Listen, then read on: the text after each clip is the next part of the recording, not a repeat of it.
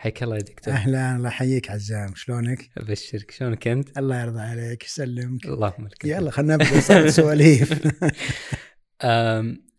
إحنا نتكلم عن آه، نظرية شاملة نتكلم عن علم نفس إسلامي. آه، يتبادر إلى الذهن دائما العبادة وعلاقتها مع الجانب النفسي. فالسؤال وش العلاقة ما بين العبادة والجانب النفسي؟ ونحاول ناخذ هذه الحلقة نصبها أكثر في هذا الموضوع. أي نعم. بسم الله الرحمن الرحيم. اللهم صل على محمد وعلى وصحبه أجمعين. إي نعم في علم النفس الإسلامي عموما وفي النظرية النفسية الشاملة تحديدا آه، دراسة العبادة نحن نرى أنها جزء العبادة والإيمان والأخلاق نحن نرى أنها جزء أساسي من علم النفس أصلا. آه، ونرى أن أنه لا يمكن لعلم النفس أن يكون أن يكون علما آه، للنفس مكتملا إلا بدراسة الإيمان والعبادة. وإلا بمحا... وإلا بالسعي لفهم كيف يحصل الإيمان، كيف تحصل العبادة، وكيف نستفيد من الإيمان والعبادة في الجانب النفسي، وكيف نستفيد من الجانب النفسي في العبادة. وهذا وهذا هو هو جزء أصلا من من المنظور الإسلامي أصلا للإنسان والحياة. وإنه هل يمكن أصلا فصل هل يمكن فصل الجوانب النفسية والانفعالية لوحدها والجوانب الإيمانية والدينية هذه تخصص آخر نحن نرى أن هذا الفصل آه، افتراضي وغير ممكن أصلا وهو مستحدث من من يعني ال- الفكر الغربي المعاصر ال- ال- القريب يعني. في علم النفس الإسلامي عموما وفي النظريه النفسيه الشاملة نؤمن إنه آه ال- الإنسان لا يمكن أن يحقق المفهوم الشامل للصحة النفسية إلا بتحقيق مستويات جيدة وطيبة من الجوانب الإيمانية والجوانب العبادية. لأن الجوانب الإيمانية والجوانب العبادية تحقق له أشياء تعزز الصحة النفسية بطريقة لا يمكن لغير الإيمان والعبادة أن يفعلها. ولذلك نحن هدفنا أصلا من دراسة الجوانب الإيمانية والعبادية في في في علم النفس هو أحد أمرين. إما أننا نستفيد من علم النفس في فهم الإنسان وبالتالي مساعدة الإنسان على أن يستزيد من الإيمان يقوي إيمانه ويستزيد من العبادة والسكينة العبادة وروحانية العبادة أو العكس أن نزداد فهما للإيمان والعبادة بحيث نستفيد من الإيمان والعبادة في تغذية الصحة النفسية وجوانب الصحة النفسية وإلى آخره. وهذا يجر إلى الحديث عن يعني أصلا ما الوظيفة النفسية للعبادات عموما، الايمان والعبادات عموما. ونحن بحكم حلقتنا اليوم عن العبادة ماذا تحقق لنا العبادة؟ طبعا الهدف الأول هو تحقيق العبودية لله سبحانه وتعالى. هذا مدخل مهم يعني وإن كنا نحن نسعى إلى تحقيق الصحة النفسية من العبادة إلا أن الهدف الأساسي هو تحقيق العبودية لله سبحانه وتعالى. والأثر النفسي للعبادة إذا فهمناه فهما جيدا فإنه متحقق للجميع تقريبا. لكن إذا كان المقصود ب المقصود بالأثر النفسي للعبادة هو أن تشفى أمراضنا النفسية بالمعنى المعاصر الأمراض النفسية الحزن والاكتئاب والقلق فهذا قد يحصل وقد لا يحصل لأن العوامل هي متعددة. لكن إذا أخذنا العبادة والإيمان بال... أو إذا أخذنا الأثر النفسي بالمفهوم الشامل للأثر النفسي الذي يشمل السكينة والطمأنينة والراحة ال- ال- القلبية والسكينة واليقين فإن هذا حاصل قطعا لكل لكل يعني لكل إنسان آه، مؤمن. اذا هذا هو الهدف الأول تحقيق العبودية والهدف الثاني هو تحقيق ب- ب- بهذا المعنى الذي ذكرناه من الفائدة النفسية والأهم الجزء الأهم من الفائدة النفسية في العبادة تحديدا هو ما يتعلق ب آه، يمكن تسميته بالأحوال الإيمانية أو إذا است- استعرنا المصطلح المعاصر المشاعر الإيمانية. آه، وإن كنت أنا لا أحب مصطلح مشا- مشاعر يعني لكن ال- الأحوال الإيمانية أو أو أعمال القلوب التركيز عليها هذا فيه مصلحة كبيرة لعلم النفس أصلا. حينما يوسع علم النفس فهمه للإنسان وفهمه للظواهر النفسية وفهمه للأحوال النفسية بحيث يدخل هذا النوع من الأحوال النفسية الذي هو محذوف للأسف الشديد في في أدبيات علم النفس المعاصر فإنه يوسع أصلا فهمه للإنسان يوسع رؤيته للأحوال النفسية. الأحوال النفسية المصاحبة للعبادة هي من نوع مختلف لأنها مرتبطة بالجوانب الروحانية والقلبية آه، والسكينة والطمأنينة والخشية والخشوع والإخبات إلى آخره. ومثل هذا النوع من من المشاعر أو من الأحوال النفسية جدير الحقيقة بالدراسة والاهتمام ويعني ونحن نسعى وغيرنا إلى إلى إلى يعني فتح مجال مهم جدا في هذا في في هذا الباب. والعبادات عموما سواء كانت ال ال ال ال الصلاة أو القرآن يمكن اليوم إحنا نركز على الصلاة والقرآن تحديدا لها أثر نفسي من عدة له عدة صور الصورة الأولى من الأثر النفسي للعبادات عموما هو الأثر النفسي الذي يمكن تسميته الأثر النفسي السريع الذي غالبا كثير من الناس يسعى إلى تحقيقه. السكينة السريعة الراحة السريعة آه، يعني كأنه كأن كأن الناس يطلبون هذا النوع من الأثر المباشر. تجدهم مثلا يشغلون تسجيلات قرآن تريح الأعصاب يقولون. ربما تبحث أنت مثلا في في المواقع الفيديو. الله يرضى عليكم. آه، أريد إيه أريد قرآن مريح للأعصاب. تلاوة للاسترخاء. تلاوة للاسترخاء إيه. إي فهم فهذا الفهم ليس خطا هذا مطلوب. ارحنا بها يا بلال ها. فهذا هذا هذا الأثر السريع مطلوب ما في إشكال. لكن يجب أن تنتبه إلى قضيه مهمة إنه ليس هو, هو ليس هذا هو الأثر ال ال الأفضل ليس هو هو النوعية الفاخرة من الأثر النفسي للعبادات. أم أم بل إني أرى أنا إن هذا الأثر الفوري الذي يريد يريد كثير من الناس أن يكون هو أول ما يحصل أنا في نظري أنه آخر ما يحصل بمعنى أنه تسبقه سلسلة طويلة من ال من من الصلة والعلاقة بالعبادة حتى يمكن حصول هذا الأثر بسرعة. بمعنى الذي هو أصلا بعيد عن العبادة وليس له صلة بالعبادة لطيفة وليس له علاقة مع القرآن ومع الصلاة ثم يأتي يقول يلا أنا أريد أن أرتاح سمعوا أعطوني قرآن أريد أن أرتاح هل متوقع أن هذا يستفيد بسرعة أو لا؟ يعني أنا لا أدري يعني لكن إن شاء الله مع الابحاث سيتبين هذا. لكن وأنا أتوقع أنه بعض الناس فعلا ممكن تكون لديه القابلية للاستجابة الروحانية السريعة. لكن المهم الأثر المهم هو الأثر طويل الأمد. ويجب أن يكون هذا هو المستهدف لنا. الأثر النفسي طويل الأمد. آه، والمتقدمون عندهم عبارة لطيفة يقولون طول الصحبة. طول الصحبة. إنه يعني كلما كانت صحبة الإنسان مع مع العبادة أطول كلما بدأ بدأت تتكشف له آه، يعني آه، معاني جديدة وسنتكلم عنها بعد قليل. لكن أيضا كلما كأن القلب يصبح أكثر مرونة في في التأثر. وأعتقد كل واحد منا يلاحظ هذا. يعني يعني آه، مثلا علاقتنا مع القرآن مثلا القرآن لا يعطيك ما عنده سواء من المعاني تدبر أو من الأحوال النفسية إلا كلما أعطيته من نفسك أكثر. وأن تلاحظ إنه إنه يعني ربما يصل الإنسان عمره 60 سنة وهو وهو يعني له صلة جيدة مع القرآن منذ أن كان شابا صغيرا وهو له صلة جيدة مع القرآن. ومع ذلك يلاحظ أنه كل عشر خمس سنوات أو كل عشر سنوات كأنه ينتقل إلى طور جديد مختلف من العلاقة مع القرآن وتتفتح له يعني أبواب جديدة. يعني مثلا أنا الآن في هذه المرحلة يا أخي سبحان الله لما أقرأ بعض الآيات يعني أنا حافظها وعارفها سبحان الله كأني أول مرة أسمعها يعني. فكأنه آه، وأظن إن هذا مذكور في التفسير من من معاني أن القرآن مثاني. من من من معانيه المثاني هي المثاني النفسية إن صح التعبير يعني ها.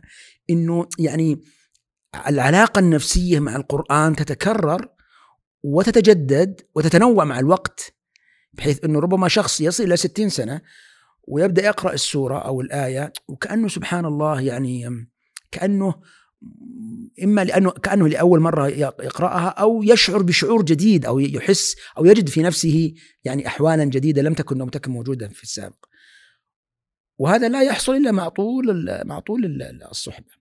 فالخلاصة أن الأثر النفسي للعبادة والقرآن والصلاة قد يكون أثر سريع، قد يكون أثر أثر يعني أثر آه، طويل المدى. أرحنا بها يا بلال. جعلت قرة عيني في الصلاة. آه الله سبحانه وتعالى وصف القرآن بأنه شفاء لما في الصدور. وفي أوضح من هذا آه ترى أعينهم تفيض من الدمع الرقة القلبية هذه. وأيضا النبي صلى الله عليه وسلم كان حينما كان يطوف في الليل كان النبي صلى الله عليه وسلم عنده عادة غريبة. اللهم صل وسلم على رسول الله. كان يعني في وقت قيام الليل أظنه قبل أن يعني إما أنه قبل أن يبدأ قيام الليل أو بعد أن ينتهي كان يطوف في في شوارع المدينة صلى الله عليه وسلم. يتسمع يعني يتسمع قراءات صحابته. طبعا تعرف البيوت القديمة كانت صغيرة ويعني فكان بالإمكان الإنسان يسمع فكان يسمع وكان يعني يقول للصحابة من في الصباح إنه حصل كذا وكذا فمن ضمن القصة للصحابي نسيت الآن اسمه الذي تحركت الخيل وطلعت ظهرت ظهرت الأنوار في السماء ثم قال له تلك السكينة تنزلت في القرآن يعني السكينة المقصود بها السكينة المصاحبة للملائكه. اذا يعني الهدف النفسي الأساسي هو آه، أن يصل الإنسان إلى مرحلة من آه، رقة القلب، آه، تحصيل هذه المعاني هذه الأحوال النفسية من السكينة والخشوع والصفاء القلبي والراحة. وهذه هذه الأحوال من المهم جدا دراستها يعني في علم النفس وإعطاء توصيفات واضحة لها بحيث تدرس ويعلم الناس لها. أيضا من الأهداف النفسية في في, العبادات المعاني تجديد المعاني ال ال ال التي تكون كثيرا في في في في في العبادات في قراءة القرآن في في الصلاة طبعا أيضا من الآثار النفسية المشهورة للعبادات انها يعني ضبط الأخلاق أن الصلاة تنهى عن الفحشاء والمنكر فالصلاة فالعبادات عموما يعني كيف أن الصلاة تنهى عن الفحشاء والمنكر؟ ما العلاقة بين العبادات وتحسين السلوك؟ أنا أرى أن العلاقة قوية جدا لأن العبادات أصلا هي قائمة على مجموعة من ال من ال ال من المفاهيم والأعمال الممارسات السابقة. قدرة الإنسان على ضبط نفسه قدرة الإنسان على الصبر قدرة الإنسان على آه، يدير نفسه ما يجعل ما يجعل نفسه تتحرك بدون أن يوجهها. فالعبادة هي هي قد لا تشتغل مباشرة على الأخلاق لكن تشتغل على على الآلية التي نحتاجها في الأخلاق.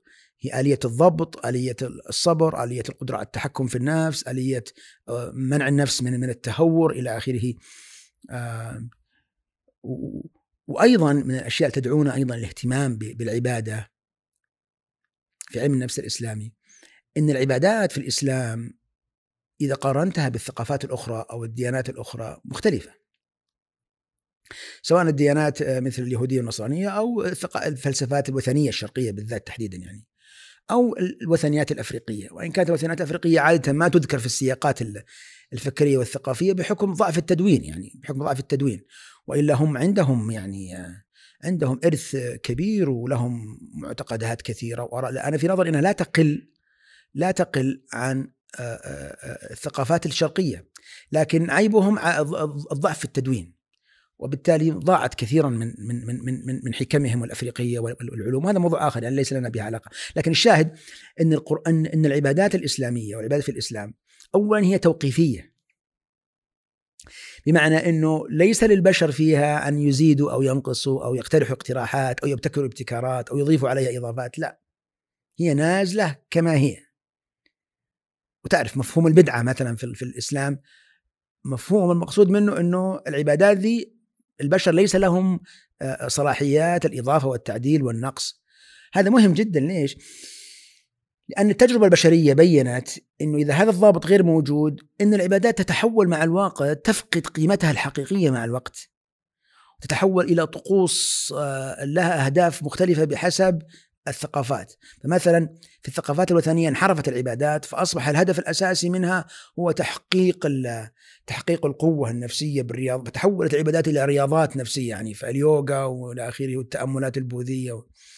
حينما تذهب مثلا إلى, إلى, إلى, إلى النصرانية تجد أن العبادات انحرفت مع الوقت وأصبح الهدف منها العلاقة الوجدانية السلبية مع مع مع, مع عيسى عليه السلام تحديدا يعني.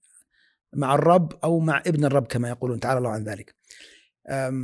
مع اليهود تجد أن أن انحرفت انحرافا شديدا فصارت الأغلال التي كانت عليهم والعبادات الثقيلة والعبادات الشاقة والعبادات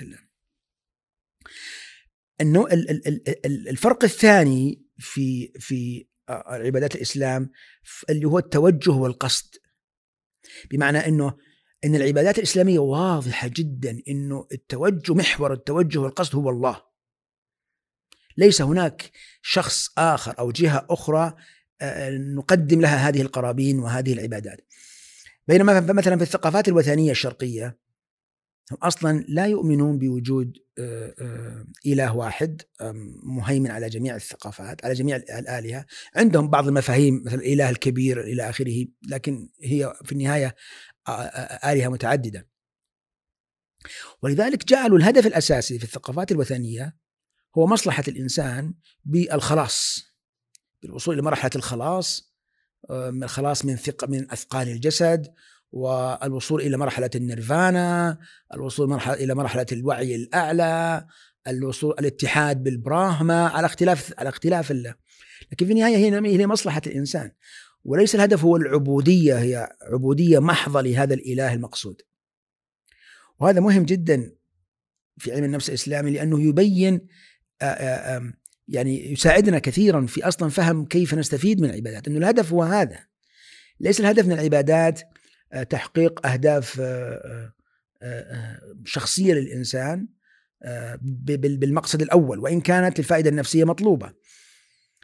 ويترتب على هذا أمر آخر أيضا إنه يعني الفائدة النفسية من الإسلام من العبادات هي فائدة تالية وليست فائدة أولية، معنى الفائدة الاولى الأولية هي أن تؤدي العبادة كما نزلت لأجل تحقيق هدف العبودية وسيترتب على هذا فوائد نفسية.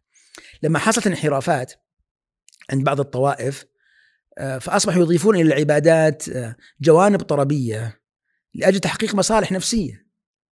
آه، الطبول والرقص وإلى آخره وال وال وال وال والممارسات الجماعية ال- والزار وإلى آخره وهذا كله الهدف منه بحسن نيه الهدف تحقيق فوائد نفسية سريعة فأصبحت تغطي على الفائدة الأساسية أصلا من القرآن من العبادات وهي وهي فائدة فائدة تحقيق العبودية لله.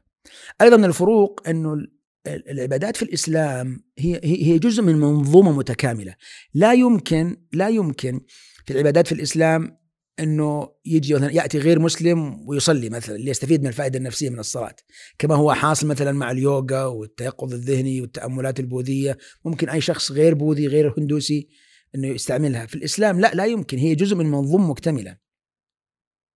أيضا من من الفروق مفهوم الترقي. يعني ال- العبادات في الإسلام الترقي فيها واضح جدا ليس هناك غموض. نحن لا نهدف إلى الوصول إلى حالة خرافية أو حالة عجائبية حالة تنكشف فيها سحب السماء وسجف السماء ونصل إلى مرحلة الربوبية أو أو إنه والله مثلا نصل إلى مرحلة الخلاص الأعلى أو مرحلة الانعتاق من الجسد. ما عندنا هذه هذه المستهدفات العليا. لا نحن هدفنا آه، يعني تحقيق العبودية لله كما ذكرنا لكن أيضا الترقي في درجات العبودية. ما عندنا حنا إلا العبودية. واعبد ربك حتى يأتيك اليقين. يعني استمر في هذه في هذا المقام مقام العبودية. ليس هناك مقام أعلى منه. ليس هناك مقام أعلى من هذا المقام. وهذا مهم جدا جدا في علم النفس الإسلامي حتى يضبط البوصلة. ما ما تنحرف بوصله ال- ال- ال- العباده مفهوم العبادة أصلا أصلا في في في الإسلام. يعني يمكن هذا أبرز ال- الأسباب لماذا فعلا ال- العبادات والإيمان مهم جدا في علم النفس الإسلامي. جميل دكتور. طب لو أخذنا نموذج واحد للعباده اللي هو الصلاة هل ممكن الجميع تكون هذه صلته بالصلاة؟ مثل صلة النبي اللهم صل وسلم عليه في أرحنا بها يا بلال هل هذا متاح للجميع؟ يعني إنه جميع. يعني يعني إنه هل هل كل من صلى سيستفيد نفسيا؟ هل كل من صلى سيستفيد نفسيا؟ إما الفائدة القريبة والفائده البعيدة. أنا عندي وجهة نظر وذكرتها كثيرا آه، وكررتها أكثر من مرة إنه يعني هي من من من يعني من من, من وين جاء من أين جاءت هذه الملاحظة؟ في العيادة كان كثير المرضى يقول يا أخي المشايخ يقولون صلوا يعني تحسون بالسعادة وكذا وحنا نصلي ما حسينا بالسعادة. طيب شلون يعني وين ال فمثل هذا السؤال اللي كان يرد في العيادة فتح يعني آفاق كثير أصلا وش مفهوم العبادة وش ما هي الأحوال النفسية التي نستهدفها. لكن أنا أظن إنه أحد الأسباب هو أن الصلاة لا تؤدى بطريقة صحيحة. بمعنى إنه أظن والله أعلم أن الصلاة إذا أديت بطريقة صحيحة فإن الفائدة النفسية ستتحقق. إما جزما يعني يعني أو على الأقل للاغلبيه من الناس. إذا قلنا إنه ما في شيء يحقق 100% من النتائج يعني. إنه على الأقل الأغلبية من الناس سيحققون هذه الفائدة ونحن بالمناسبة هذه هذه الجزئية فقط الآن نرجع عليها أبحاث إنه آه، النموذج الذي سنناقشه بعد قليل إن شاء الله هذا النموذج إذا طبقه الإنسان كم نسبة من يستفيد منه بتحصيل الفائدة النفسية بمعايير الفائدة النفسية التي التي نحن نحن يعني آه، تكلمنا عنها. أنا أعتقد إنه الصلاة إذا أديت بطريقة صحيحة فإنه على الأقل يعني الغالبية من الناس سيستفيد منها نفسيا. وأن الناس الذين يقولون لم نستفد من الصلاة في الغالب أن الصلاة أو العبادة عموما لا تؤدى بطريقة صحيحة نفسيا. جميل. طيب ما هي القواعد اللي إذا طبقت فنضمن إن شاء الله إن هذه العبادات يعني صحيحة تأثيرها على النفس خلينا نقول يغلب أن يقع. جميل. آه إيه هذا يجر إلى الكلام عن النموذج الذي نعمل عليه نحن. عندنا نموذج في تحصيل الفائدة النفسية من العبادات عموما. هذا النموذج مكون من ستة قواعد أو ستة أركان أو ستة مكونات. آه المكون الأول أسميناه التهيئة النفسية أو بالمصطلح المتداول قديما المحل القابل. المحل القابل وصلاح الخارج وسنتكلم إن شاء الله عن هذا. القاعدة الثانية الكثافة التعبدية. هذا مصطلح مدن ها؟ كثافة التعبدية أو بتعبير المتقدمين آه، طول الصحبة. الفائدة الث... القاعدة الثالثة آه، طريقة أداء العبادة الطمأنينة والإرخاء. الطمأنينة والإرخاء وسنتكلم عنها إن شاء الله. القاعدة الرابعة ما يتعلق بالحضور حضور القلب وطرد الهواجس. القاعدة الخامسة ما يتعلق بتحصيل الأحوال الإيمانية أو المشاعر الإيمانية. آه السادسة ما يتعلق بالمعاني تحقيق المعاني المرتبطة بالعبادات. نحن نرى والله أعلم أن هذه القواعد الست إذا يعني آه آه, آه، وسنشرحها إن شاء الله واحدا واحدا. هذه القواعد الست إذا طبقت آه بإذن الله تعالى في يعني خلال نقول شهر شهرين من بداية تطبيقها سيبدأ الإنسان يشعر بفعلا الفائدة النفسية من العبادات إن شاء الله. جميل. خلينا نبدأ بها قاعدة قاعدة من الأولى إلى الأخيرة. الأولى اللي هي التهيئة النفسية والمحل القابل. إي نعم. التهيئة النفسية والمحل القابل و... أو حياة التعبد أو صلاح الخارج. في نظرية في الإسلام مهمة جدا في المنظور النفسي عموما هي نظرية آه، المحل القابل وصلاح الخارج. هذه النظرية مفادها إنه آه، يعني المعلومة الواحدة أو الممارسة الواحدة قد آه، تمر على على أشخاص متعددين أو يمارسها أشخاص متعددون ومع ذلك تتفاوت آثارها عليهم. وواضح أن التفاوت ليس من طبيعة الممارسة أو طبيعة المعنى أو المعلومة إنما هو في شيء هناك في الداخل. هناك أمر في الداخل جعل هذا الأمر المشترك بينهم يؤثر فيهم بدرجات متفاوتة. هذا هو الذي يسمى المحل القابل. يعني الداخل الطرف المستقبل. يعني مثلا في في قول الله تعالى آه، بشيرا ونذيرا فأعرض أكثرهم فهم لا يسمعون. كيف لا يسمعون؟ أنا في نظري التفسير الصحيح لها أنهم غير مستعدين للسماع. غير مستعدين للسماع وإلا فإن الآذان هذه الجارحة سليمة عضويا يعني.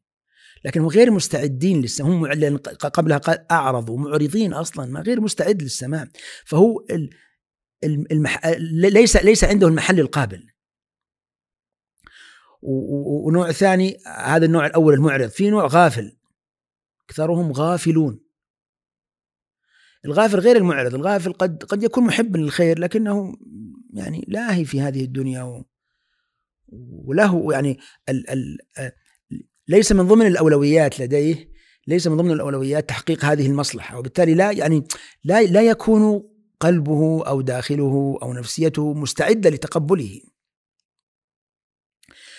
وأنا لا أدري هل هل هناك من النظريات من تكلم عن هذا النفسية الغربية المعاصرة من تكلم عن هذا المفهوم أو أو بشيء قريب منه لكنه مفهوم مهم جدا يشرح كثيرا من من الظواهر النفسية للبشر. والقرآن كان يركز يركز كثيرا على هذا لأنها مهمة في القرآن فيما يتعلق بتفسير الهداية والضلال أصلا يعني. إنه هل الهداية والضلال هذا موضوع آخر ربما نفرد له حلقة. إنه هل الهداية والضلال التفسير النفسي لها أنه الحق غامض وغير واضح ولا توجد أدلة مقنعة وإلا لا إنه في مشكلة داخلية عند بعض الناس تحول بينه وبين الهداية والضلال. النوع الثالث هو الذي يسمع وينتفع. في سورة قاف جمعت, هذه الثلاثة كلها. إن في ذلك لذكرى لمن كان له قلب أو ألقى السمع وهو شهيد. ف جعل جعل ثلاثة شروط أو ثلاث مكونات أن يكون له قلب يعني كيف لمن كان له قلب طيب هو أكيد له قلب ولا كان مات لكن المقصود هنا لمن كان له قلب سليم صاف مستعد لقبول الحق أو الهدى أو أثر العبادة أو الأخلاق.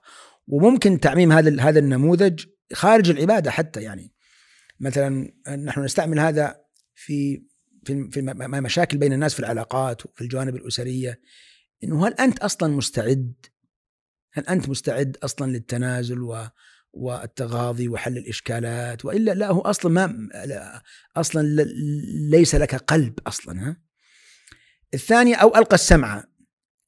ألقى السمع ألقى السمع يعني يعني وضع أذنه قريبة كأنه ألقاه فكانه ألقى أذنه يعني ألقى السمع يعني ألقى أذنه قريبة من الصوت حتى يسمع سماعا آه، واضحا. لكن ليس هذا هو المقصود طبعا ليس المقصود هذه الحركة. المقصود إنه إنه أحضر السمع وجمعه. طيب كيف أحضر السمع وجمعه؟ يعني هو مستعد أصلا للاستقبال الصحيح لهذه المعلومة الواردة. آه، فحين تحضر هذه المعلومة الإيمانية أو الأخلاقية أو أو غيرها آه، يستقبلها بعزم وجدية ورغبة في التطبيق ورغبة في الفهم. يمكن فيما يتعلق بالسمع هنا يعني الفهم هو اقرب أقرب ما يكون من جانب الاستعداد انه مستعد للفهم أصلا يعني. لأن كثيرا ما ما يذكر السمع في القرآن بما يقابل يعني كأنه أقرب معانيه الفهم إنك تفهم تفهم الخطاب أصلا.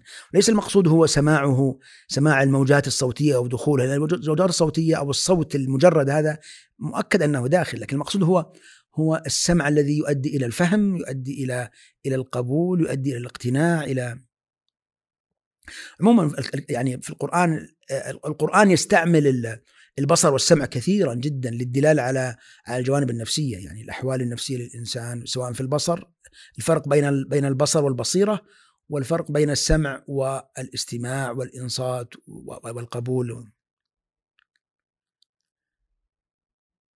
وهذا كثير يعني, يعني في الحياة اليومية لكل واحد يعني أن تكون في مجلس والناس يتكلمون. فلا تدري ما ماذا يقول أنك مشغول مثلا بالجوال مثلا. طيب الآن وأنت مشغول بالجوال الآن يعني هذه هذه هذه الأصوات ألم تدخل إلى أذنك؟ مؤكد أنها دخلت. لانها هي هي جماد لا تميز. وبحكم أنها دخلت إلى الأذن مؤكد أنها تجاوزت المراحل الميكانيكية المعتادة في الأذن. ومؤكد أنها وصلت إلى آخر نقطة التي هي عندها الزحمة هذه. دخلت فوجدت زحام وجدت فوضى أنت مشغول بشيء آخر غير مستعد لسماعها غير مستعد لاستقبالها. فتوقفت عند هذه النقطة واندثرت. وهذا تلاحظ مثلا وانت وأنت مأموم مثلا تصلي خلف الإمام. تطلع من المسجد يسألك أحد ماذا قرأ الإمام؟ تقول ها؟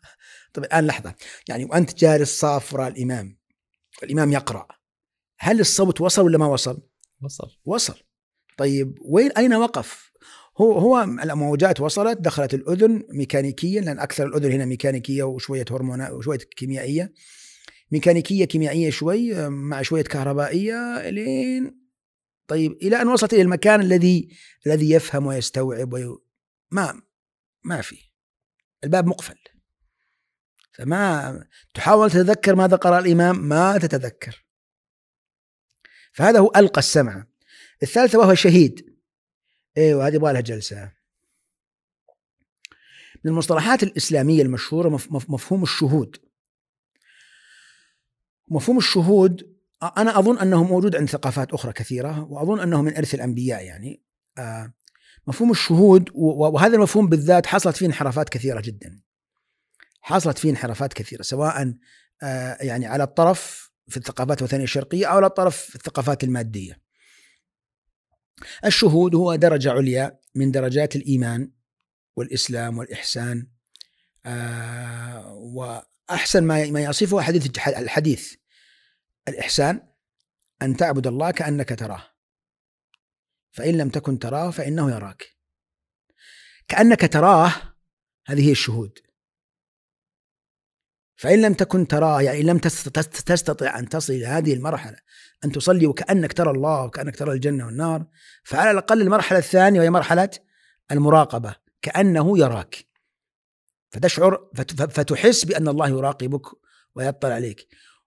وليس تحت هذه المرتبة مرتبة أخرى. إذا إذا هذه المرتبة الثانية المراقبة المراقبة غير موجودة بمعنى أنت لا زلت في مرحلة الإسلام أو الإيمان ما ارتقيت إلى مرحلة الإحسان. وهذا يدل على أن الإنسان آه، مأمور ومطالب بأنه يصل لمرحلة الشهود. طيب كيف يصل لمرحلة الشهود؟ كيف يصل لمرحلة الإنسان أنه فعلا يصلي العبادة أو أو يعني آه، مثل التوكل حديث التوكل يرزقكم كما يرزق الطير. هذه هذه مراحل الشهود. إنه أن تصل إلى مرحلة خلاص الرزق عند الله سبحانه وتعالى يعني. أن تبذل الأسباب من باب القيام بالسبب المادي لكنك عارف إن المسبب الأكبر هو الله سبحانه وتعالى. تبذل الأسباب كاملة كما هي. بدون مبالغات بدون بدون مبالغات أهل الأسباب والتخطيطات المبالغ فيها والكثير التي كثير منها أصلا في الغالب لا يؤدي إلى نتائج يعني. أيضا من النصوص المهمة جدا في فهم هذا المفهوم. حديث النبي صلى الله عليه وسلم قال إن مثل ما بعثني الله به من الهدى والعلم كمثل غيث مطر. فالآن الحديث يصف مشهد النبي صلى الله عليه وسلم كان راعيا للغنم صلى الله عليه وسلم. فكان يصف اختلاف أنواع التربة في استقبال المطر. فيقول كمثل غيث أصاب أرضا ثم بدأ يقسم الناس إلى إلى أقسام. الطائفة الأولى فكانت منها طائفة طيبة. قبلت الماء إذا أولا قبلت الماء يعني التربة زراعية تربة زراعية فقبلت الماء وأنبتت الكلأ والعشب الكثير والناس شربوا من الماء وأكلوا وأكلوا من العشب أو البهائم أكلت من العشب أو إلى آخره. الطائفة الثانية تربة قاحلة غير زراعية إطلاقا. آه، لكنها تمسك الماء. فعلى الأقل الناس شربوا منها. هي لم تنبت الكلاء لكن على الأقل الناس شربوا منها. النوع الثالث التربة الثالثة. قيعان يعني أرض آه، تربة معينة لا اسم عند عند عند الجغرافيين والجيولوجيين لا أعرف ما اسمها. هذا النوع من التربة أول ما ينزل ربما قريب منه الرمل مثلا. ينزل الماء المطر أمطار غزيرة جدا خلال خمس دقائق يختفي الماء ولا ينبت شيء. ما ينبت شيء. أنت تعرف طبعا إحنا إحنا كلنا أهل صحراء تشوف النفود وش طوله وش عرضه؟ ما في ما عليه شيء. أقرب أرض أول ما ينتهي الرمل تبدأ الأرض الزراعية تجد الخضرة والربيع والى آخره. فهذا التشبيه يبين إنه فعلا يعني إنه الداخل مهم جدا. تهيئة المحل القابل مهم جدا. إنه وهو متوافق مع أحد القواعد الأساسية في علم النفس الإسلامي والنظريه النفسيه الشاملة إنه ابدأ بنفسك دائما ابدأ بنفسك ابدأ بالداخل. اعرف نفسك و... واعرف من أنت و... مثلا في باب العبادات أول شيء إنه اعرف أنت من أنت يعني في باب العبادات وإلى آخره. المفهوم الثاني مصطلح صلاح الخارج. صلاح الخارج. هذا مش ما هو باسم إنسان هذا صلاح الخارج لا. صلاح الخارج هذا مصطلح يقصدون به ما يقابل ما يقابل الداخل، الداخل الذي داخل النفس والخارج هو يعني مقصود به حياتك، الخارج هو حياتك العامة يعني. آه، توقعت الشكل. لا لا حياتك العامة. نظام حياتك العامة وطريقة عيشك نمط حياتك. فصلاح الخارج المقصود به صلاح نظام حياتك. صلاح نمط حياتك. فأنت تصلح الداخل اللي هو القلب والصدر والنفس وتصلح الخارج تصلح نمط حياتك ونظام حياتك. ف إنه طريقتك في الصلاة وقراءة القرآن والعبادة هي أصلا هي أصلا تعكس مستواك في الحياة العامة. وتعكس مستوى تدينك العام. وهذا الذي اقوله أنا للناس إنه يعني أنت تريد تريد إنه آه الصلاة تكون زي البقالة. أنت حزين ذاك اليوم متضايق نفسيا تشغل المسجل وتصلي ركعتين وترتاح. لا العبادة لم تشرع لهذا أصلا يعني. العبادة شرعت للعبودية وشرعت لتحقيق الراحة النفسية صح لكن الراحة النفسية من العبادة الإسلامية لا تتحقق بهذه السرعة إنما هي صحبة. قارن هذا مثلا بالعبادات في الثقافات الوثنية التي عدلت اسماءها وبدأت تدخل إلى البلاد الإسلامية الآن. سريعة المفعول لأنها فيها نواحي طربية وسريعة التأثير لأن هذا هدف عندهم. لكن هذا ليس هدفا عندنا في الإسلام. لكن العبادة في الإسلام تحقق الهدف لك إذا أديتها بالطريقة الصحيحة. وهي جزء من منظومة متكاملة. وهذا هو جمالية في نظري انه هو جمالية علم النفس الإسلامي التأكيد دائما على المنظومات المتكاملة. التأكيد على الشمولية. الآن بس خطر في في في بالي علم نفس البقالات ها؟ علم نفس الدكاكين هذا ها؟ في مقابل علم نفس الكافيهات. اي علم نفس الدكاكين علم نفس البقالات هذا. الآن خطر في بالي بس. إنه يعني هو يعني يتوهم من الإسلام والعبادات والقرآن والإيمان والمعاني الإيمانية إنها كأنها يعني آه، بضاعة مصفوفة في الرفوف تروح تشتريها وخلاص. لا هو مشروع. هو مشروع. هو هو هو نمط حياة هو نظام هو آه. طيب كيف يعني كيف نحقق هذا هذا الشرط اللي هو المحل القابل وصلاح الخارج والتهيئة النفسية؟ آه. إي نعم يعني آه عدة عدة قضايا. القضية الأولى الانتباه للعوائق التي تجعل القلب محلا غير قابل.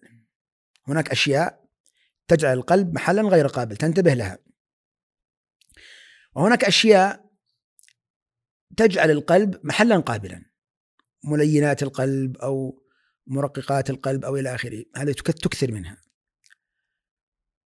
وأيضا صلاح الخارج تركز عليه نمط الحياة نمط حياتك. يكون فيه يكون الجانب التعبدي فيه واضح وظاهر. هذا من ناحية الإجمال. من ناحية التفصيل نبدأ بعدة نقاط سريعة. يعني مثلا المدخلات. نحن نسميها في هذا العصر المدخلات. المتقدمون كانوا يسمونها لأن المدخلات أصلا لغة ما ما تصح يعني. ما تصح. لكن ما لا, لا إشكال. هذا من جزء من التطور الدلالي لبعض الكلمات. آه إنما كانوا يسمونها مداخل الجوارح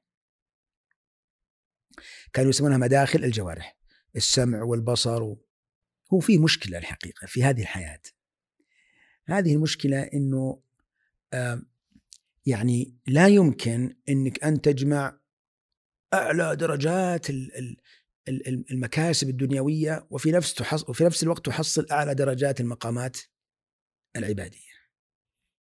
ما تجتمع. لانك إذا أكثرت من هذه كثير من من الجوانب الدنيوية كثيرا كثيرا كثيرا ما يبقى مكان أصلا للجوانب العبادية. تزاحم هذه. تزاحمها.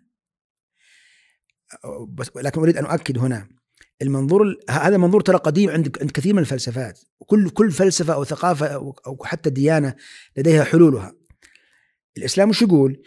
يقول صح إن العلاقة بين الدنيا والدين علاقة جدلية وحساسة لكن نحن نريدك ان أن تكون نريد أن تكون متوازنة. لأن هناك ثقافات مثل بوذا مثلا بوذا أشهر مثال على ذلك. هو يرى إنه ما في حل إلا أنك تتخلص من الدنيا نهائيا. وهذا واضح في كثير من الثقافات الوثنية. لكن نحن في الإسلام نقول لا لا. المطلوب منك تخفف شوي بس من الدنيا بس بس خفف شوي قليل. لا تتعلق بها لا تكثر منها. لأن استمتع بها قل من حرم زينة الله لا تأخذ العباد والطيبات من الرزق. فنحن لا نقول أنه انزل كثيرا في الدنيا لكن نقول لا ترتفع كثيرا. لا نقول انزل كثيرا لكن نقول لا ترتفع كثيرا. لا ولذلك جاء مفهوم الإسراف. مفهوم كبر كذا لا يا أخي افعل كما كما ورد في السنة مع مع كامل الانغماس في في العبادة. وسناتي الانغماس بعد قليل بعد قليل. والانتقالات بعض الناس كأنه يسجد بسرعة كأنه كأنه ساقط كأنه نيزك ساقط. اراد أن يقوم كأنما لسعته عقرب لا يعني تقوم بهدوء والانتقالات بالذات مهمة. يعني تنزل بهدوء وترتفع ترتفع بهدوء. وردت أحاديث كثيرة في هذا بالذات في في في طمأنينة الهيئة هذه مثل النهي عن الالتفات بغير حاجة، النهي عن رفع البصر إلى السماء، النهي عن الافتراش الافتراش في السجود. ليست ليست ليست هيئة عبادة هذه. آه، التخصر أو النظر بالعين أو الاقعاء المذموم أو التثاؤب في الصلاة أو آه، يعني الانشغال في الصلاة بتسوية الحصى أو باللعب بالثوب أو بطرف الثوب أو بالشماغ الآن صار مشكلة الناس ينشغلون به كثيرا وردت تشبيهات حيوانية مثل مثلا نقر الغراب، التفات الثعلب، بروك البعير، اقعاء الكلب. النوع الثالث من الطمأنينة طمأنينة التسبيحات والأقوال. يعني عدد عدد التسبيحات. العدد وطريقة النطق. لم يرد عن النبي صلى الله عليه وسلم عدد معين في التسبيحات لكن حديث ورد أحاديث من الصحابة تشير إلى النبي صلى الله عليه وسلم في الغالب أنه كان عشر تسبيحات أو خمس تسبيحات ويعني كثير من العلماء مثل الحسن البصري وابن باز بالمعاصرين يقول إن خمس بركة يعني خمس تسبيحات بركة فأنا أظن إن إن خمس هي الحد الأدنى هذا هو رقم خمسة الأول قلنا خمسة في أربعة فخمسة نقصد فيها خمس تسبيحات. مع هذه الطمأنينة والراحة وأيضا طمأنينة طريقة النطق. ولا تجهر بصلاتك ولا تخافت بها. واذكر ربك في نفسك تضرعا وخيفة ودون الجهر. ف لابد تتحرك الشفتان. ويحصل نوع من الهمس الذي تسمعه في في نفسك ولا يسمعه من هو بجوارك. وقاعدة الهمس هذه مهمة جدا. يعني حتى النبي صلى الله عليه وسلم لما كان كما قلنا قبل قليل انه كان يمر على الصحابة في البيوت في الليل فمر على بيت أبي بكر فرأى صوته منخفضا ومر على صوت عمر رضي الله عنه فرأى صوته يعني عاليا فقال يا أبا بكر ارفع صوتك قليلا ويا عمر اخفض صوتك قليلا. فواضح أن الهمس مهم جدا في في المنظور في في في في, في, في العبادة في الإسلام.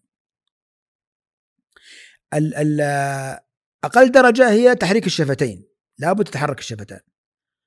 التي بعدها المخافتة. المخافتة كأنك تسمع نفسك. ثم الجهر. تسمع تسمع من هو من هو بجوارك. التوسط هو التوسط ما بين المخافة والجهر. ولا تجهر ولا تخافت. فالمخافة يعني كأنك حتى نفسك ما تسمعها. والجهر لا يسمعك من بجوارك. والتوسط أنه أنت تسمع نفسك لكن جارك لا يسمعك. ضابط جيد يعني في, في نظري. آه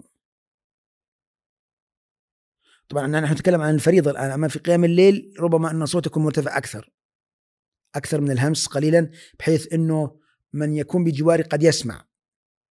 لكن هذا في قيام الليل الإنسان يصلي يصلي الصلاة وهو وهو يعني من منفرد. النوع الرابع من الطمأنينة هو طمأنينة الزمن وهنا يأتي رقم أربعة. طمأنينة الزمن يعني ما تستعجل. لو لو أردنا أن نحسب صلاة النبي صلى الله عليه وسلم بالطريقة التي ذكرناها بطمأنينة الإرخاء وعدم الاستعجال وعشر تصبيح عشر تسبيحات و... كم كم يصلي النبي صلى الله عليه وسلم السنة؟ الركعتين. أنا قدرتها أنها في ثمان دقائق ست دقائق ما بين ست إلى ثمان دقائق. فإذا قلنا خمس تسبيحات يعني أقل من ذلك الحد الأدنى أربع دقائق. وإذا قلنا خمسة في أربعة بمعنى إنه من القواعد الجيدة تساعدك على تحصيل الطمأنينة في الصلاة قاعدة خمسة في أربعة التي تعني خمس تسبيحات وأربع دقائق. تصلي السنة الرك... السنة النافلة الركعتين بأربع دقائق. وستجد أنت إذا فعلت هذا ستجد انه الصلاة مع بقية الشروط التي ذكرناها الصلاة وقراءة القرآن أنها فعلا أرحنا بها يا بلال. ولن تحتاج بعدها لا لتمارين استرخاء ولا لغيره. على أن تطبق الصلاة وقراءة القرآن بهذه الطريقة التي التي ذكرناها. آه، طبعا خمس تسبيحات والكلام اللي قلناه هذا كله في في صلاه الفريضة أو نافله النهار لكن في نافلة الليل القوانين مختلفة القواعد مختلفة أنه الإنسان يطيل فيها ويسبح تسبيحات كثيرة وأدعية كثيرة أيضا من من من القضايا المهمة مثلا في قراءة القرآن تدريب على القراءة الخاشعة لأن القراءة الخاشعة مهمة لتنشيط الروح وتنشيط القلب. ويعني ذكرنا نحن التضرع والخيفة والمخافة وإلى آخره. وهنا قضايا مثلا يعني يعني السرعة المناسبة وذلك علماء تجد عندهم عندهم مراتب آه، الترتيل والحدر والتحقيق والتدوير. آه، والحدر المعقول يمكن هو أقرب أنواع القراءات المناسبة. يعني الحدر المعقول هو هو يعني آه، هو ربما يكون هو أفضلها. آه، لأن في القرآن مرتب القرآن ترتيلا ليس هو الترتيل العرفي الموجود الآن عند عند عند القراء الذي هو ترتيل تمطيط القراءات. لا الترتيل الذي في القرآن اظن هو الحدر أقرب ما يكون إلى الحدر وأبطأ قليلا يعني من الحدر. أبطأ قليلا من الحدر مع أهمية التفاعل مع الآيات وهذا كان النبي صلى الله عليه وسلم يتفاعل مع الآيات يعيش مع الآيات يعيش جو الآيات. يقطع التقطيع والمد والتغني يقطع يمد بعض ال ال ال ال ال بعض الألفاظ التي فيها مدود يتغنى ببعض يعني يعني يطرب صوته يتغنى بالقرآن ومن لم يتغنى بالقرآن فليس منا. واحيانا يجهر في في في في في, في بعض في بعض المناسبات. فهذا هو كله كل ما يتعلق بقضية قاعدة الطمأنينة والإرخاء. وخلاصتها آه، آه، في الحركة في الهيئة في عدد التسبيحات في الزمن. والضابط الجيد فيها قاعدة آه، أربع دقائق في خمس تسبيحات. وإذا فعل الإنسان هذه الطريقة وأنا أظن بإذن الله بإذن الله تعالى أنه سيبدأ يشعر أن الصلاة فعلا تحقق هدفها النفسي النفسي فيه. جميل. القاعدة التالية القاعدة الرابعة اللي هي متعلقة بحضور القلب وطرد الهواجس. ما المقصود بها وكيف نحققها؟ هي نعم حضور القلب آه هو قريب ما يعبر عنه المعاصرون بالتركيز. آه المتقدمون ما كانوا يستعملوا مصطلح التركيز كانوا يستعملوا مصطلح حضور القلب. وهو وهو بنفس معنى التركيز. حضور القلب ان ان أن يعني أن ان ان أن, أن, يكون القلب حاضرا يعني مركزا على ما هو مشتغل فيه. ولا يكون آه، آه، يعني آه، تجلب انتباهه الصوارف الأخرى الخارجية. و وردت نصوص كثيرة في هذا مثلا يعني مثلا وفرغ قلبه لله. النبي صلى كان يتكلم عن نوع من أنواع الصلاة فقال من صلى ركعتين كذا وفرغ قلبه لله. كيف فرغ قلبه لله؟ هذا هو مقصود فرغ قلبه لا مقصود به الحضور. حضور القلب أن يكون القلب فارغا من أي مشاغل تشغله ومنشغلا بهذا الأمر الذي هو فيه الذي هو الصلاة وقراءة القرآن وسماع القرآن والتلاوة والعبادة والتعبد الذي هو بالتعبير المعاصر التركيز يعني يكون مركزا على هذا على هذا الشغل الذي الذي هو الذي هو ملابسه. وفي الحديث الآخر لا يحدث بها نفسه. يعني كيف ممكن الانسان يصل إلى مرحلة إنه لا يحدث بها نفسه؟ إنه خلاص يعني قلبه فارغ لله و, و يعني ال ال المعنى هنا هو القدرة على ترويض القلب والعقل وعلى جمع الهمة والتركيز في اللحظة الحاضرة. وهذا هو المفهوم الإسلامي في الحضور. كثير من الثقافات عنده مفهوم الحضور بأنواع مختلفة وطرق مختلفة. نحن حضور هذا هو حضورنا. نحن أهل الإسلام هذا هو حضورنا. هذا هو التركيز عندنا. إنه أنت حضورك معناها ان إنه حينما تصلي أو تقرأ القرآن تكون منشغل بهذا القرآن مستوعب له فاهم له آه، مندمج معه آه، الصوفية عندهم تعبير لطيف يقول الاتصال والانفصال. الاتصال والانفصال. تكون متصلا بهذا الأمر منفصلا عن الخارج. منفصلا عن عن الشواغل الخارجية.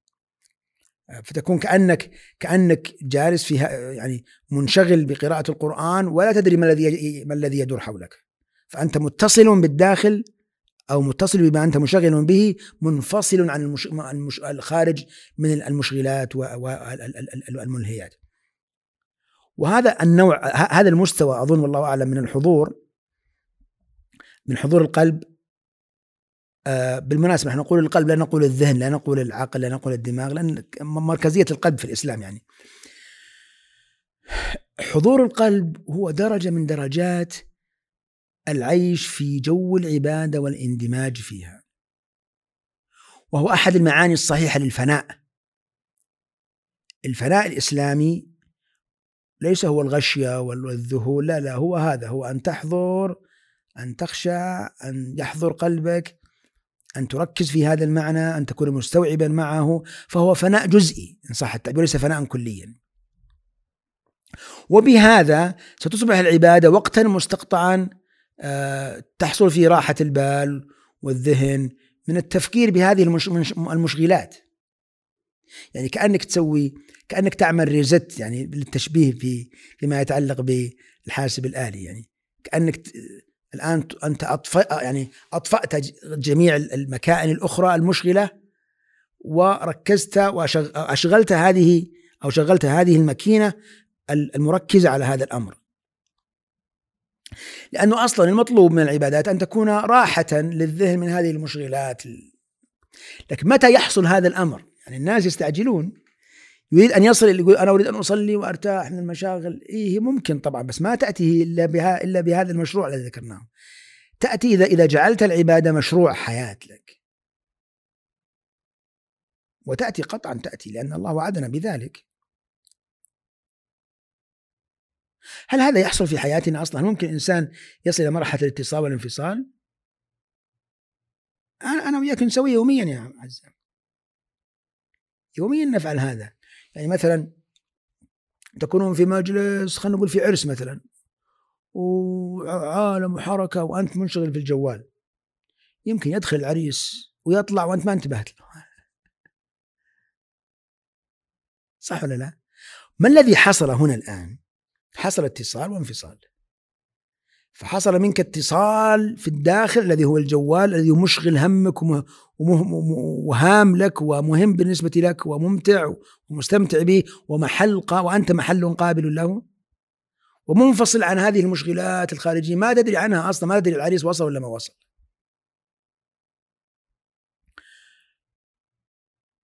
وهذا كثير يعني يكون الإنسان مثلا جالس في مجلس بعدين يسرح في قضية معينة والناس يقول أبو فلان أبو فلان يقول ها؟ وين كان هو؟ قلبه حاضر في مكان آخر. قلبه حاضر في مكان آخر إيه. قلبه حاضر في مكان آخر. واحيانا يحصل شيء يمكن تسميته الحضور المعكوس يعني إنه يصلي الإنسان مع الإمام لكن قلبه ما ليس مع الإمام وليس مع الصلاة قلبه في مكان آخر. فما يدري هو كم صلى ولا أدري ماذا قرأ الإمام. وأكثر أسباب السهو عند الناس هو هذا أنه أصلا ليس ليس يعني ليس مندمجا الاندماج الكافي في في العبادة. ونأتي مصطلح تفريغ القلب مصطلح تفريغ القلب ومصطلح استجماع الحالة النفسية. يسمونه يسميه المتقدمون الجمعية أو الجمع يعني مصطلحات عجيبة تحتاج إلى تأمل. تفريغ القلب لله أنه إنه تفرغ القلب من هذه مشاغل الدنيا والشواغل الخارجية. وهذا وهذا يحصل مع طول الصحبة ويحصل مع تهيئة المحل المكان. لذلك الفقهاء مثلا يهتمون كثيرا بالمكان قبلهم النبي صلى الله عليه وسلم يعني لا البقعة يسمى البقعة بقعة الصلاة وأهمية البقعة واين تصلي وكيف تصلي في الغرفة من, من يكون معك ومن لا يكون معك والسترة والناس اللي مارين من يمر من لا يمر. كل هذا الهدف منه تهيئة المحل المكان تهيئة الجو يعني. فتفريغ القلب للصلاة معناه الدخول إلى الصلاة بحال بحالة نفسية إيمانية مختلفة. الغزالي كان يسميه صرف الهمة صرف الهمة إلى الصلاة. يعني إنه إنه آه، الأولويات ال- ال- ال- الأشياء المهمة الآن الآن المهم الآن مهم المهم في هذه اللحظة هو الصلاة الان ليس ليس شيء شيئا غيره. يعني حتى الحديث مثلا يقول إذا أنت جوعان يا أخي ومرت جوعان لا لا تصلي كل ها وبعدين صل عشان تكون فرق للصلاة.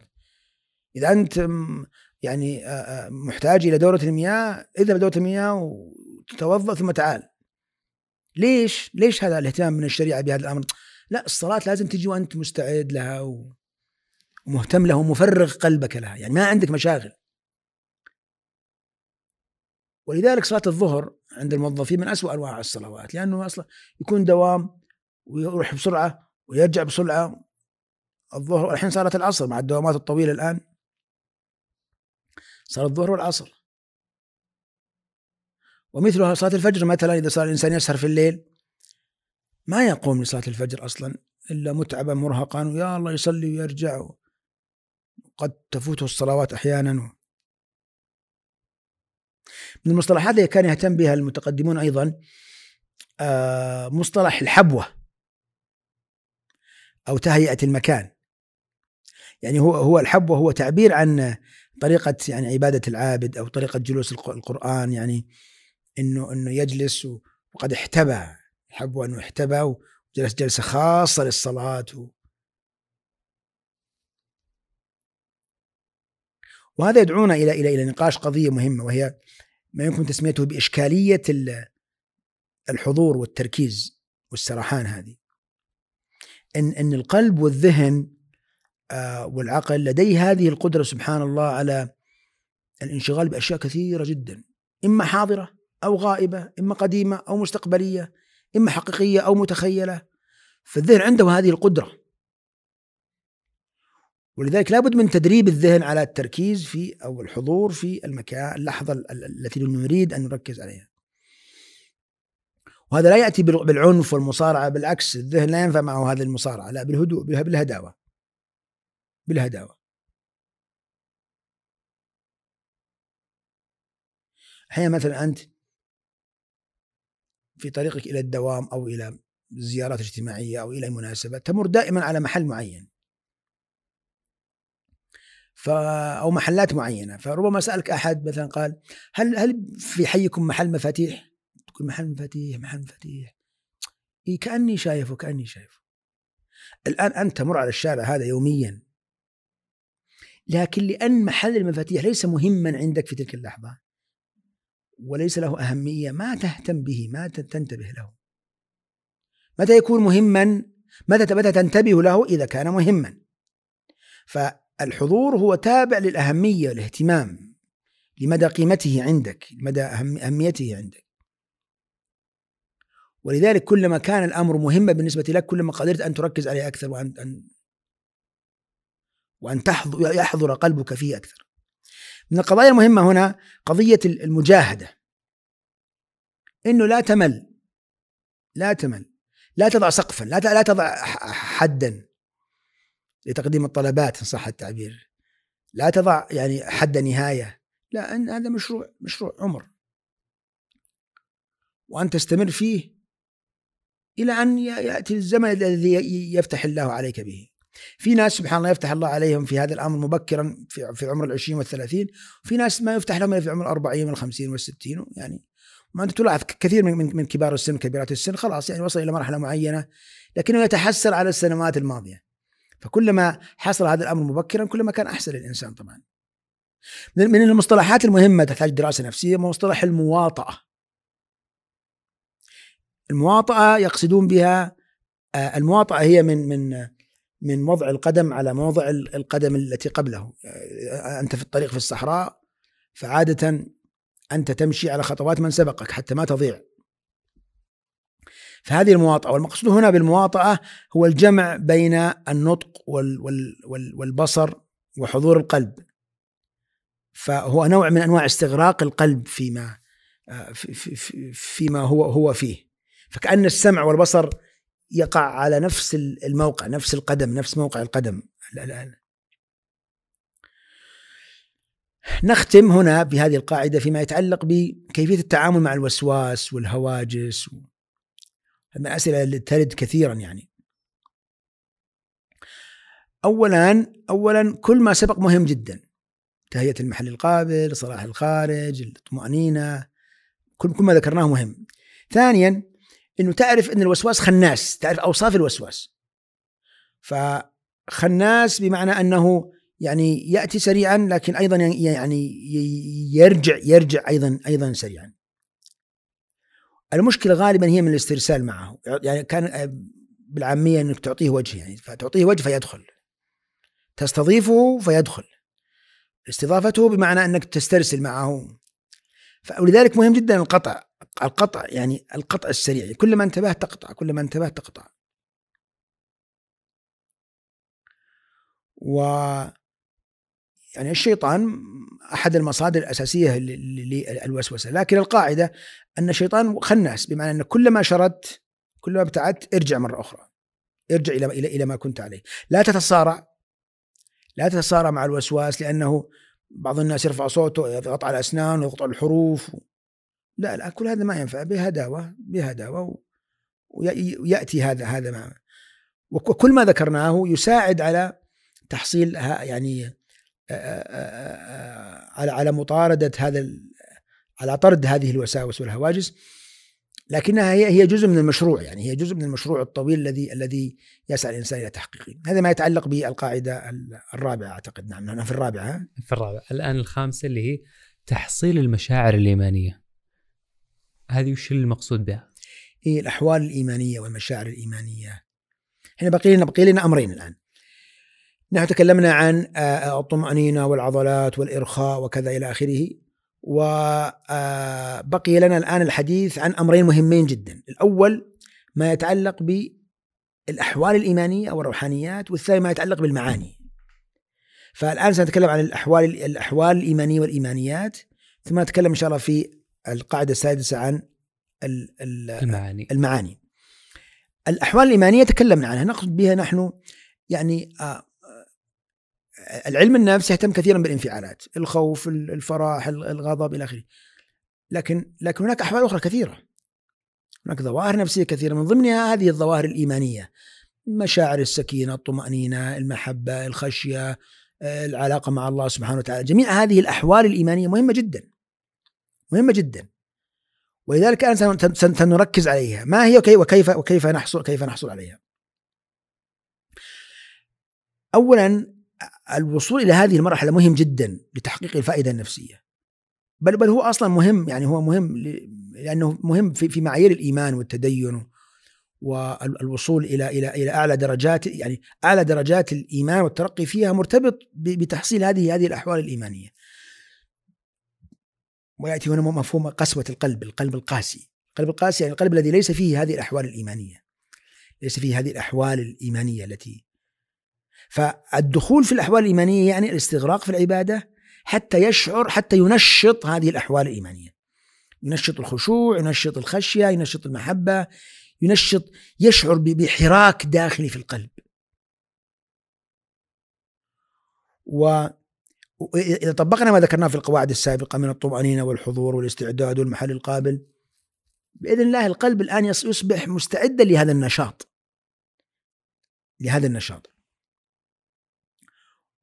ونحن نرى إنه كما ذكرنا أن الطمأنينة مهمة جدا والإرخاء مهم جدا لتحصيل السكينة والطمأنينة فإن تحصيل هذه المشاعر الإيمانية والأحوال الإيمانية مهم جدا أيضا لتحصيل الفائدة النفسية. بل إنه أصلا يعني كثير من الثقافات استعجلت وابتكرت وابتدعت أشياء في العبادات والطقوس وأضافت إليها أشياء لهدف تحصيل هذا هذا هذا هذا المعنى. هذا الأمر وهو وهو الأحوال الداخلية القلبية. فمثلا هناك طوائف يضيفون الطرب والرقص ها؟ وبعض الممارسات الجماعية. الهدف منها تكثيف تسريع حصول التحصيل هذه هذه الأحوال الإيمانية الداخلية. لكن لا هذا خطأ. خطأ. ليش؟ خطأ؟ ليش خطأ؟ لأنه لأنه لا يحقق الهدف المطلوب. تتحول العبادات إلى كأنها طرب آخر بموسيقى أو أو بغيرها. بل إنه بعض بعض يعني الديانات كثير كثير من الديانات والثقافات يضيفون الموسيقى إلى العبادات. وبعض أيضا الطوائف تضيف الموسيقى إلى العبادات. الهدف هو هم هم يعرفون أن هناك أحوال داخلية يجب من من المهم جدا تنشيطها فهم يستعجلون في ذلك. لكن لا الطريقة الصحيحة في تحصيل هذه الأحوال الإيمانية هي الترقي والتدرج وتدريب القلب على أن ينشط وتحصل من هذه هذه الأحوال الإيمانية بدون هذه الإضافات التي هي تحصل من أي ممارسة طربية أخرى. المشا... هذه الأحوال الإيمانية أنواع. نحن قسمناها في أربعة مجموعات. المجموعة الأولى الأحوال المرتبطة بالتعظيم الإجلال التذلل الخضوع الاستكانة. الشعور أمر داخلي تجد فيه تجد فيه شعورك الداخلي بالعظمة الإلهية. ما يتعلق بالتعظيم والخشوع. حالة العبد مع مع مع مع المعبود. افتقار انكسار. افتقار الانكسار الثانية الأحوال المرتبطة بالمعية. شعور أحوال الشعور بقرب الله سبحانه الإحساس بقرب الله سبحانه وتعالى بمعية الله سبحانه وتعالى. آآ آآ وبرحمة الله وب ويدخل هنا الرجاء وحسن الظن بالله. المجموعة الثالثة الأحوال المتعلقة بالسكينة والمحبة والأنس والرضا والطمأنينة. المجموعة الرابعة وهنا يأتي طبعا فرح القلب الصفاء. المجموعة الرابعة لا المجموعة اللي فيها انكسار الخشوع الخوف ال ال ال الانكسار رقة القلب البكاء. ال... إيوه هذه هذه الأحوال الإيمانية مهم جدا تنشط. لكن في قضية في الروح أو في القلب عموما إنه ليس مثل النفس. النفس لحوحة وتطالب. أما القلب أو الروح ساكتة. إذا أنت أعطيتها ما تريد قبلت منك ونشطت. إذا تركتها تتركك. ولذلك لذلك ليس على الناس خوف من أن نفوسهم تتوقف مثلا عن طلب الطعام أو الشراب أو الجنس أو اللهو أو اللعب لأن هذه النفس لحوحة طلابة. لكن على الناس خوف من أن يغفلوا عن هذه الأحوال الإيمانية لأن القلب لا يطلب. إلا إذا دربته على ذلك فيصل مرحلة الاشتياق فالاشتياق معناه أنه يبدأ يطلب منك. قال لك يومين ما صليت ما ما ما ما ما, ما, ما, ما صليت الليل لك يومين ما قرأت قرآن. لكن هذا لا لا يحصل مباشرة إنما يحصل مع مع ال مع ال مع ال التدريب. وبعض الناس يقول أنا قلبي قاسي لماذا لا أبكي؟ يعني هي هي هي هي مجموعة عوامل توفيق من الله سبحانه وتعالى لكن هي مجموعة عوامل ومشروع عمر اشتغل عليه وبإذن الله تحققه. يعني مفهوم قسوة القلب في القرآن المقصود فيه القلب الذي لا تنشط فيه هذه الأحوال الإيمانية التي ذكرناها. لا تتحرك فيه هذه الأحوال الإيمانية من الخشية والخشوع والرقة والمحبة والأنس والسكينة والطمأنينة. ومن الأشياء التي تساعد على ذلك آه، التخشع وتقمص الحالة. أن الإنسان كما في حديث عمر إن كان بكيت وإلا تباكيت. فيعني التباكي والدخول في الحالة وتدريب النفس على ذلك من الأشياء المهمة. الدعاء أسألك خشيتك في الغيب والشهادة.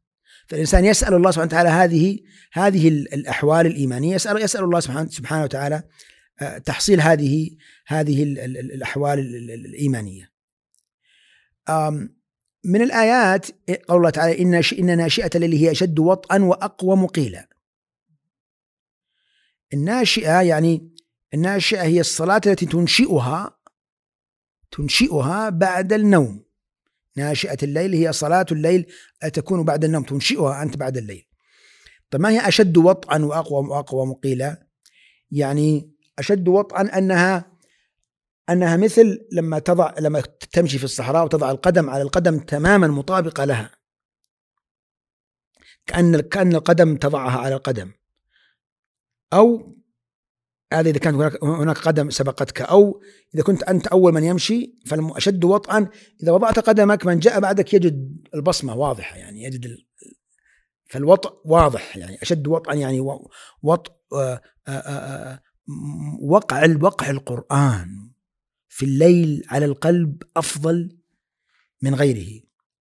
وأقوى مقيلة يعني أنه أحسن في الحفظ وفي الفهم. أقوى مقيلة يعني أفضل الأقوى يعني أفضل وقيل يعني الأفضل في الفهم والتدبر ولذلك لذلك لذلك قيام الليل له قيمة كبيرة جدا في, في الإسلام وهو أيضا له قيمة نفسية أيضا كبيرة. تحصيل الفائدة النفسية من العبادات مرتبط بشكل كبير جدا في في في قيام الليل. يعني هذا أبرز ما يكون في القاعدة الخامسة.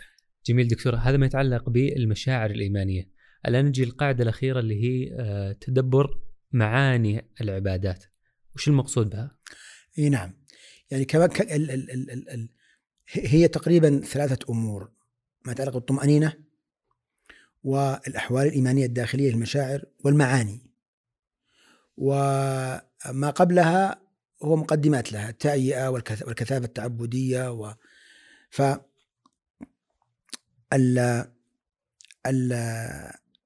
المعاني يعني إلى أي درجة أنت آه، تفهم المعاني وتتطبع بها وتصبح جزءا من قناعاتك وقلبك وحياتك اليومية. المعاني هنا يأتي مصطلح التدبر. أفلا يتدبرون القرآن؟ التدبر هو نوع من أنواع الفهم زائد عن الفهم العادي. لأن التدبر هو معناه أنك تفهم الم... تسمع الجملة أو الآية تفهم معناها تفهم مرادها ويحصل أثرها عليك لأن التدبر من من من الدبر يعني من العواقب أو الآثار أو التوابع له فتحصل آثار الآية عليك. أو أن تفهم أنت آثار الآية ومعاني الآية التي التي أنت مطالب بأن تفهمها وهي موجودة في هذه الآية. والمقصود هنا هو الحصول الأثر المعنوي للقرآن أو للعبادات أو للأذكار الألفاظ التي تقال المعاني التي تقال في العبادات. مثلا في الصلاة ما الذي عندنا؟ عندنا أمرين. عندنا أمران اللي هو قراءة القرآن والأذكار أذكار الصلوات. فكيف كيف كيف نفهم هذه المعاني و, و آه نتدبرها؟ أو كيف يشهد القلب هذه المعاني؟ كيف يصل القلب إلى مرحلة الشهود بحيث تؤثر فيه معاني القرآن؟ فإذا قرأ الآية أثرت فيه. ليس ليس الأثر بمعنى الأثر الروحاني فقط اللي هو المشاعر أو الانفعالات لا حتى المعاني تؤثر فيه. فإذا قرأ الآيات المرتبطة بالتوكل تؤثر فيه إذا قرأ الآيات المرتبطة بالرضا تؤثر فيه إذا قرأ الآيات المرتبطة بالعفو والصفح تؤثر فيه إذا قرأ الآيات المرتبطة بالجنة والنار تؤثر فيه إذا قرأ الآيات المرتبطة بسيرة النبي صلى الله عليه وسلم والصحابة تؤثر فيه. وإلى ما لا نهاية من, من الآيات الكثيرة جدا المعاني الكثيرة جدا في الآيات أو في الأذكار مثلا. سمع الله لمن حمده. ربنا ولك الحمد حمدا كثيرا طيبا مباركا فيه. من السماوات والأرض من ما بينهما من ما شئت من شيء بعد. هذه المحامد العظيمة لله. انطباعها على النفس أن أن فعلا يصل الإنسان إلى مرحلة يشعر فعلا بمعنى الحمد والرضا لله والشكر لله يستشعر النعم لما يقول الحمد لله يفهم معناها ويتدبر معناها يعني يستشعر النعم التي عنده فيصبح يرى النعم الموجودة ولا يتسخطها ولا يتذمرها ولا يتشكى ولا يرفع سقف مطالبه الكثيرة جدا بحيث ما ما يرضيه شيء ولا يشبع من هذه من هذه النعم. والآيات عموما يعني الآيات أو الأذكار فيها مجموعة معاني سنمر عليها بعد قليل إن شاء الله. لكن التدبر أو الفهم هو الحضور مع التركيز الذي ذكرناه قبل قليل أيضا القدره على الفهم تدرك المعاني الموجودة في هذه في هذه الألفاظ والأذكار.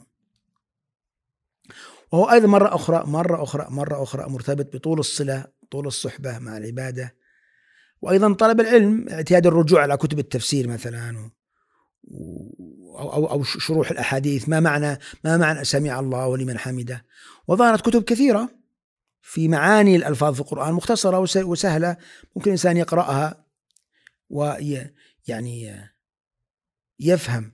ومما يساعد على ذلك أيضا ما يمكن تسميته مرة أخرى المواطأة اللي هو يعني القراءة لأجل الفهم أو السماع لأجل الفهم. ذلك النبي صلى الله عليه وسلم له طريقة معينة في القراءة. جملة جملة يردد يتفاعل.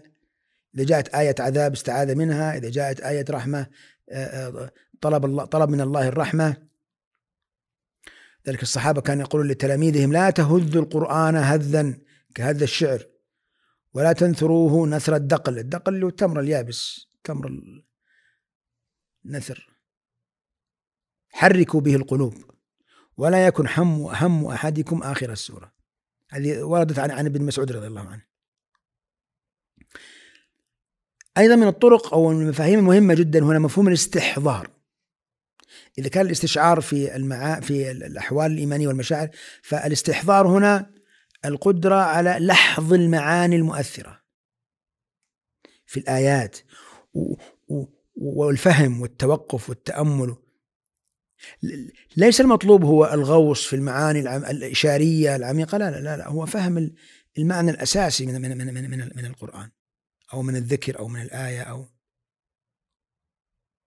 أحيانا أنت عندك أوراد مثلا بعد بعد أوراد ما بعد الصلاة. تبدأ مثلا استغفر الله استغفر ما تدري إلا أنت في آخر الفلق أو في آخر الناس. طيب كيف وين اللي ما في حضور بسبب التكرار. ولذلك النبي صلى الله عليه وسلم كان ينوع ينوع يغير. وهناك طرق كثيرة تجعل الإنسان فعلا يعني يستحضر أنه يوقف عند ما, ما, ما لا ينثرها نثر الدق الكامل يوقف يتوقف. فالتوقف من القضايا المهمة جدا. أستغفر الله بعدين يوقف شوي. بالتسبيحات يوقف يتوقف شوي. آية الكرسي والمعوذات يتوقف شوي. هذا التوقف بين المراحل يساعد على على على على, على, على الاستحضار.